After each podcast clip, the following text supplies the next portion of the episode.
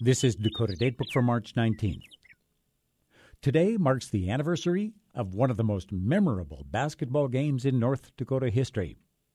It took place in the Bismarck Civic Center as the Hillsboro Burros took on the Epping Eagles for the 1977 State Class B tournament. The Burros had been to state eight times, had won back to back championships in 73 and 74, and had done so with an enrollment of 210 students. On the other side of the state, tiny Epping High School had a total enrollment of only 23, and during the late 1960s, they had suffered 96 straight losses. The Burros were led by legendary coach Ed Beyer, whose teams had come to expect winning seasons. In fact, during the Region 2 tournament, the Burros had overcome five of the state's top 10 Class B teams. Epping didn't even have a bus. By championship night, the team had taken on Cinderella status, and Hillsboro's starting five were booed before the game even started.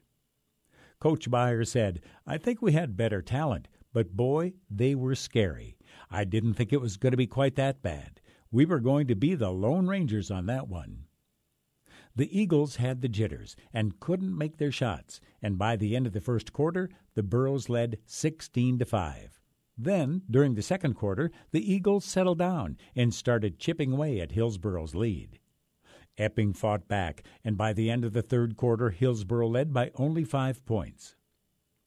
In a call that's controversial to this day, the referee blew the whistle on Epping for carrying the ball, which cost the Eagles a made shot. It was a blow they couldn't overcome, and they lost 52 to 56. Despite their loss, the Epping players were treated like heroes. In fact, many people still mistakenly say they remember that game, the one where Epping won the state title. Today's Dakota Datebook was written by Mary Helm. I'm Merrill Piepkorn. Dakota Datebook is produced in cooperation with the State Historical Society of North Dakota with funding from Humanities North Dakota. Halo, Mar. Kenapa ya? Kamu ke mana aja hari ini, Mal? Aku di rumah aja, nggak ke mana-mana ya. Kamu bohong, Mal. Gua nggak bohong ya. Tadi gue lihat lu di taman jalan sama cewek. Itu siapa, Mal? Kelihatannya akrab banget. Coba lu jujur sama gue. Hmm, sorry ya.